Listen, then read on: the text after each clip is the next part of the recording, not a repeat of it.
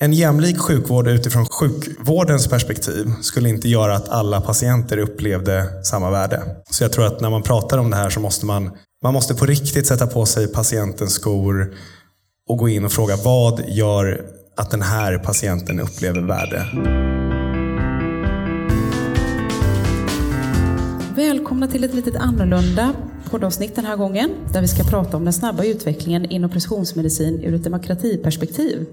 Och vad passar då bättre än att spela in detta live i Almedalen eh, under den politiska Almedalsveckan och dessutom inför en härlig publik. Och panelen som vi har idag består utav Sebastian Hermelin som tillsammans med den då cancerdrabbade vännen Fabian Bolin grundade War on Cancer för att göra något åt bristen på information som de upplevde fanns för patienter med cancer och deras närstående. Vi har även Lina Nordqvist, liberal och eh, riksdagsledamot i socialutskottet, men också diabetesforskare och docent eh, samt ledamot i Statens medicinsk-etiska råd, SMER. Och så har vi Christer Jonsson, centerpartist, ledamot i SKLs sjukvårdsdelegation och landstingsråd i Region Kalmar. Varmt välkomna! Tack så mycket. Tack. Eh, jag heter Anna Johansson och det är jag som leder Precisionspodden. Sebastian, jag tänkte jag ska börja med dig och jag är lite intresserad av varför tackade du ja när vi frågade om du vill vara med och prata om precisionsmedicin, hälsodata och demokrati här i Almedalen? Jag trodde man måste tacka ja till allting i Almedalen. Nej. Nej, men jag tycker att det är, det är tre stycken väldigt viktiga teman. Precisionsmedicin är någonting som händer. Det är någonting som kommer få fler människor att överleva väldigt svåra cancerformer. Och utvecklingen går supersnabbt. Hälsodata är någonting som vi jobbar med på War on Cancer. Det är någonting som möjliggör precisionsmedicin. Och sen demokrati är någonting som jag tycker blir allt mer viktigt. Eh, Lina, du är eh, ledamot i Statens medicinsk-etiska råd och du har till uppgift att belysa viktiga medicinsk-etiska samhällsfrågor. På vilket sätt ser du att precisionsmedicin är en samhällsfråga? På flera sätt skulle jag säga. För att å ena sidan har vi ju en skyldighet att ta vara på den här nya och helt fantastiska möjligheten att istället för att ge kostsamma läkemedel som inte fungerar kunna faktiskt pinpointa vad är det just den här personen behöver som kan ge dem ett helt nytt liv. Eh, och å andra sidan så måste ju vi, för att det ska bli verklighet, så måste vi se till att rätt yrkesgrupper finns i sjukvården, att vi kan samla in de data som faktiskt är viktiga, inte bara för sjukvårdspersonalen utan också för patienten själv. Vad spelar roll för dem? Och vi måste samtidigt se till att skydda människors integritet. För det är ju ändå i slutändan så att blir jag sjuk så är det fortfarande så att informationen om mig är ju min. Så det finns mycket saker vi måste titta på. Både risker men också naturligtvis stora möjligheter som vi måste ta vara på. Eh, Christer, jag tänk, eh, i sjukvårdsdelegationen så hanterar ni ju de övergripande stora hälso och sjukvårdsfrågorna. Hur resonerar ni kring det demokratiska perspektivet? Ja, men jag tänker att en viktig pusselbit i det demokratiska äh, tänket, det är ju något som vi pratat mycket om de sista åren, jämlik vård över hela landet. Äh, och det är ju det kommer att sätta på sin spets när vi kommer till precisionsmedicin för att få det tillgängligt, likvärdigt över hela landet. Eh, vi har gjort en del, tycker jag, viktiga steg framåt de sista åren i samarbetet mellan regionerna inom ramen för sjukvårdsdelegationen och SKL och det är ju dels arbetet med det som kallas NT-rådet, det vill säga försöka se till att läkemedel introduceras samtidigt och samordnat över hela landet. Eh, vi har nyss startat ett jättestort arbete med kunskapsstyrning där så att säga, professionen inom olika områden möts för att bli överens om så här gör vi för att det ska bli en bra behandling, en up-to-date behandling av dig oavsett var du än bor i, i, Sverige. Det tycker jag är ett väldigt viktigt demokratiperspektiv. Den andra, och som jag tror att vi kommer få hantera när vi kommer till precisionsmedicin, det är ju prioriteringsdiskussionen. Eh, som jag upplever att vi nog har, har låtit vara lite på sparlåga sen, sen riksdagen tog sitt prioriteringsbeslut i slutet på 90-talet. Eh, men jag upplever att det behöver uppdateras och att vi behöver föra en sån diskussion. Därför att precisionsmedicin sätter en del av prioriteringsdiskussionen på sin spets. Vad är det värt?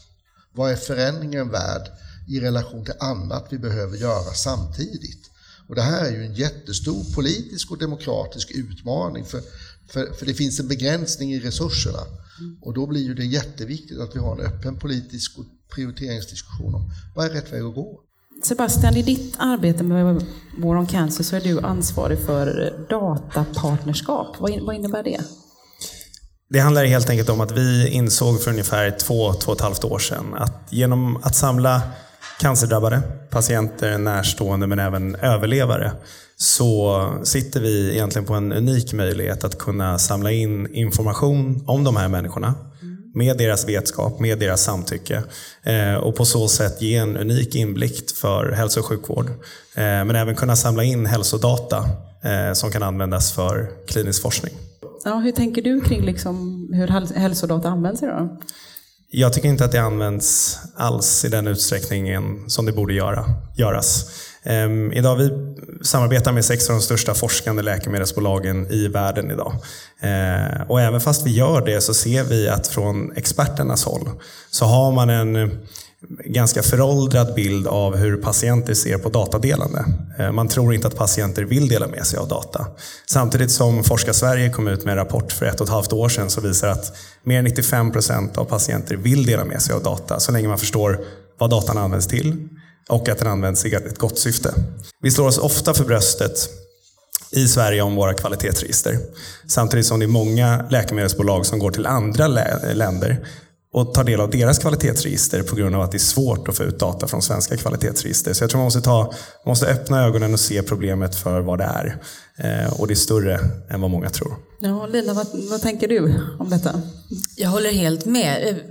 Om man tar som exempel diabetesregistret så är ju de en, ett av de få i Sverige där, där man faktiskt har öppnat eh, Eh, så att det finns en möjlighet för fler att ta del av den här fantastiska kunskapsbanken som det ju faktiskt är.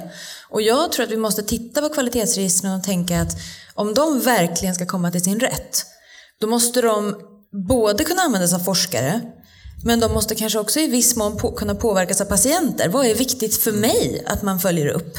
Det är inte säkert att det alltid är forskarna eller läkarna som vet vad som är viktigt för en sjuk person att följa upp och mäta. Och sen måste vi förstå att näringslivet är ingen separat del av samhället som ska verka för sig själv någonstans. Utan de, där måste man ju också vara med och tänka, om vi nu ska ta fram nya behandlingsmetoder, hur ska vi då veta vad det är för typ av behandlingar vi ska försöka nå? Så kvalitetsregistren, de, de, är fantastiska de vi har i Sverige, men vi kan använda dem på ett mycket klokare sätt än vad vi gör idag tror jag. Mm, mm. Jag tänker för, man pratar ju om olika typer av data. Det är hälsodata, man pratar patientdata, man pratar persondata. Vem ska äga vad och hur ska vi liksom hantera de här olika typerna av data? Vad är det vi, och samtidigt då följa alla lagar och regler. Jag tror som så att eh, individen har rätt till sin egen data, men det betyder också att individen har rätt att göra vad den vill med den datan. Det vill säga man kan vilja dela med den till forskande institut exempelvis för att hjälpa sig själv eller för att hjälpa andra. Och jag tror att man måste börja på något sätt inse att människor vill ha den rätten och är kapabla att ta den typen av beslut. För man pratar ofta idag i termer om att, alltså det är lite det här översittarbeteendet som man ser inom svensk sjukvård också. Patienten är patient och bara patient. Vi vet vad du vill som patient. Även om du kommer till oss och säger vad du vill så behöver inte vi lyssna på det. Ehm, och jag tror att det är, man måste ha ett öppet öra för patientens röst när det kommer till det. Och ägandeskapet av data följer helt enkelt med där. Mm.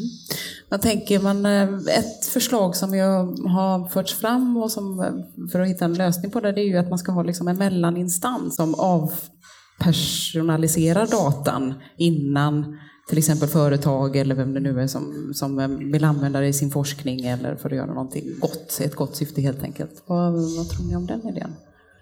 Jag, jag, tror att det är väldigt klokt och jag tror att det är i stort sett en förutsättning. Ja. Och det gäller ju redan idag, ärligt talat, om man tar vanliga eh, etiska tillstånd att, eh, att utföra forskning. Mm. Så är det ju inte så att hela forskargruppen får sitta på nyckeln till vem, alltså vilken information som hör till vilken person. Utan där ska ju själva kodnyckeln förvaras på ett säkert sätt. Man måste beskriva för att få tillstånd hur, hur man kommer hantera det där efteråt, när det ska förstöras, hur det ska förstöras. Och precis så måste vi göra nu också. Ett grundläggande bekymmer om vi driver så att säga, eh, diskussion om precisionsmedicin ett steg till, då blir den ju beroende av dig och ditt genom. Och då, behöv, då, då går inte den att aggregera på samma sätt. Utan du behöver ju bli identifierad för att kunna liksom ta del av det eller veta om du skulle ha nytta av det här. Och ju fler så att säga, variationer vi får av preciserade behandlingar som nä, eh, nästan skräddarsydda för dig Lina, så kommer ju behovet av att köra riktigt personbaserad data att finnas.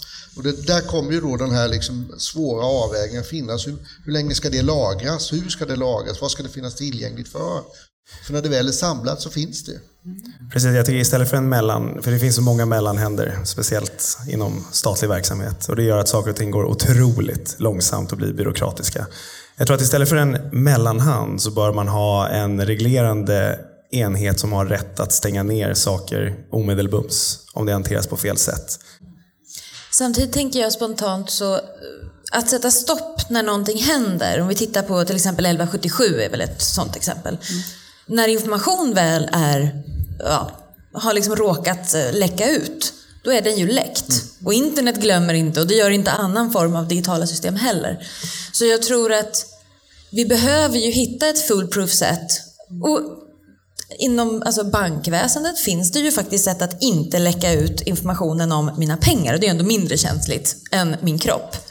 Och när det gäller journalsystem i, i de svenska regionerna så finns ju otroligt mycket information insamlad om de flesta av oss. Direkt kopplad till person.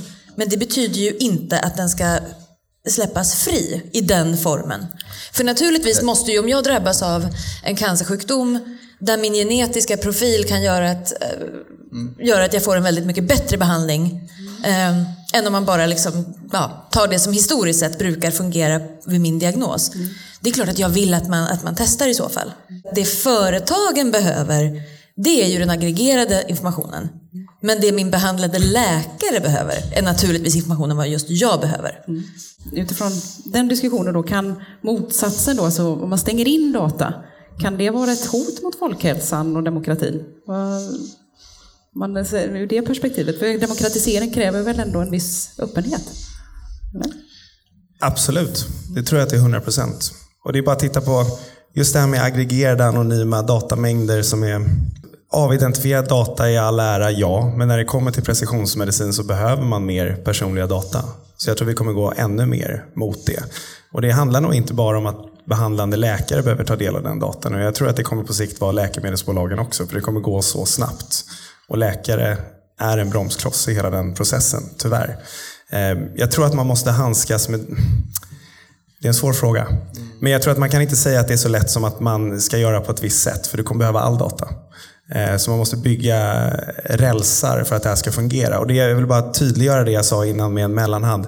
Vi behöver Datainspektionen som gör saker hela tiden. Vi behöver en större datainspektion som har mer kunskap om eh, hur data kan användas på fel sätt. Som är 1177. Det kom upp i blåsväder för att människor hittade sina journaler och inspelade samtal på nätet. Det var inte för att någon investigative unit kom in och sa att ni har gjort fel. Utan de kom in i efterhand. Så det jag menar är att när det kommer in en aktör som 1177 som har journalsystem online. Då ska man redan alltså kontinuerligt under den tiden se till att inte data läcker ut från det. Eh, jag tror att det är otroligt viktigt. Christer? Ja, jag tänker så här att, att, eh, på tal om att stänga in data eller hålla, alltså, här kommer ju också någon slags, om man får fortsätta vara lite på bakhasorna då, eh, kampen mellan kollektivet och individen. Så att säga. Vad, vad har jag för skyldigheter som individ mot kollektivet eller nationen eller världens globala hälsa jämfört med viljan att skydda mig själv. Vi behöver hitta ett system där människor känner tillit och trovärdighet till att dela data. Och jag tror att du har rätt Sebastian i att väldigt många människor vill dela data om man vet varför och kan förstå hur de används och kan vara så övertygade det går om att de används på rätt sätt så kommer människor vilja dela sin data. Men jag tror att det då är viktigt att vi når ett läge där exempelvis vår journalinformation som vi har i hälso och sjukvårdssystemet inte upplevs som vårdens utan som min. Det är min i grunden. Sen använder vården för att göra ett bra jobb. Men det är min och där är vi ju inte riktigt än. Va? Vi har tagit steg framåt. Uppsala var först ut med att liksom göra journal på nätet. Himla rabalder om detta. Eh, en jätteviktigt steg och nu finns det i hela Sverige. Men fortfarande känner inte patienten att det är deras riktigt. Och vi måste nog komma hela vägen dit för att vi ska komma också till att man tar in data på fler sätt. Därför att det är väl också så att en del av den data som vi kommer använda kommer inte komma från hälso och sjukvårdssystemet. Utan den kommer komma på andra vägar. Alltifrån eh, eh, klockor vi bär med oss eller sensorer vi använder eller monitoreringssystem vi skaffar hemma själva. Så att vi kommer bygga data som individer också.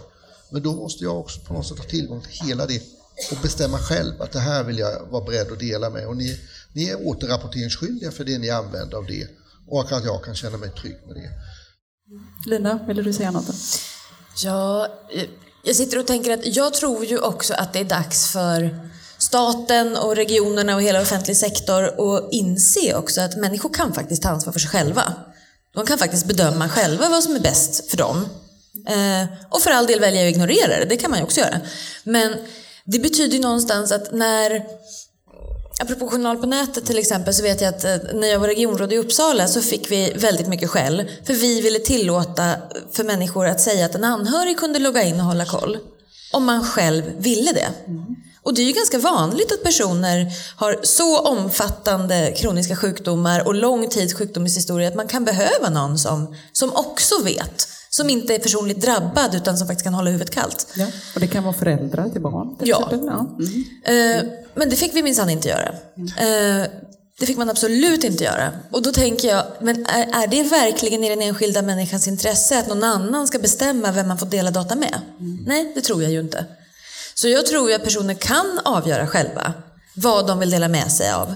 Eh, och jag tror att vi kan avgöra själva vilka delar av vår allra mest integritetsnära eh, information som vi vill att någon annan ska få använda för att skapa något bättre. Men vi måste få informationen om vad det innebär. För vi får inte hamna i ett läge där man lämnar ifrån sig den i tron att det handlar om en sak, men det sen är något annat. Alltså en, lång, en långsökt parallell till exempel så har vi de här biobankerna med prover på spädbarn till exempel för att upptäcka väldigt ovanliga sjukdomar. Eh, och det är ju inte föräldrarnas avsikt att man sen ska använda det där för att spåra upp barnet när barnet har begått ett brott senare i livet. Mm. Utan man måste ju på något sätt veta när man lämnar ifrån sig informationen att det jag går med på nu, det är det jag har gått med på och det kommer inte förvandlas till något annat. Vi måste låta människor bestämma själva över sina egna liv. Och det, då räknas även informationen om deras hälsa in i det. Håller med. Håller med. Alla håller med. Bra, det var det jag ville höra. Christer, vad, vad, ser du som absolut viktigast nu för att precisionsmedicin ska få möjlighet att stärka vår demokrati? Nej, jag vet inte om det, det jag tycker den, den snarare är en demokratisk utmaning. Eh, på det sättet att, att eh, vi går från en situation där, där vi eh, säger att eh, du har eh, eh, ja, högt blodtryck, så behandlar vi alla lika i stort sett med blodtrycksmedicin. Så, tjoff! Till att, att eh, nu ska vi bestämma hur du och Anna ska bli behandlad. Eh, det ställer ju jättestora krav på att du också har kunskap, att du är på ett ställe där, där det finns tillgängligt och att du kan själv vara med och fatta beslut om de behandlingar som du ska gå in i. Och det ställer ju då ett krav på att inte bara den som har lättast att ta sig fram i våra system får del av detta, utan att hela bredden av medborgarna får det och har kunskap om vilka möjligheter som finns och kan själv ställa frågorna om detta. Där, och där är ju den stora demokratiska utmaningen att ska detta inte leda till i första läget eh, mer ojämlik vård så är det ju faktiskt så att vi säkerställer att den kunskapen också finns hos medborgarna och att man själv kan ställa frågorna. Hur hoppfull är du Sebastian att vi liksom kan känna ett fortsatt förtroende och kan lita på hälso och sjukvården här? Eh, alltså, fortsatt förtroende, jag tror vi måste bygga upp ett nytt förtroende. Vi har människor i publiken som jag har pratat väldigt mycket med, som är nära kompisar, som är patienter idag. Ehm, som inte är särskilt nöjda. Ehm, och jag tror att det man pratar om, alltså sjukvårdssystemet har gått från att vara en produktionslina där man bara mäter hur många människor som överlever. Till att idag från patientens håll så mäter man det som service. Man vill, ha, man vill vara nöjd med den behandlingen man får.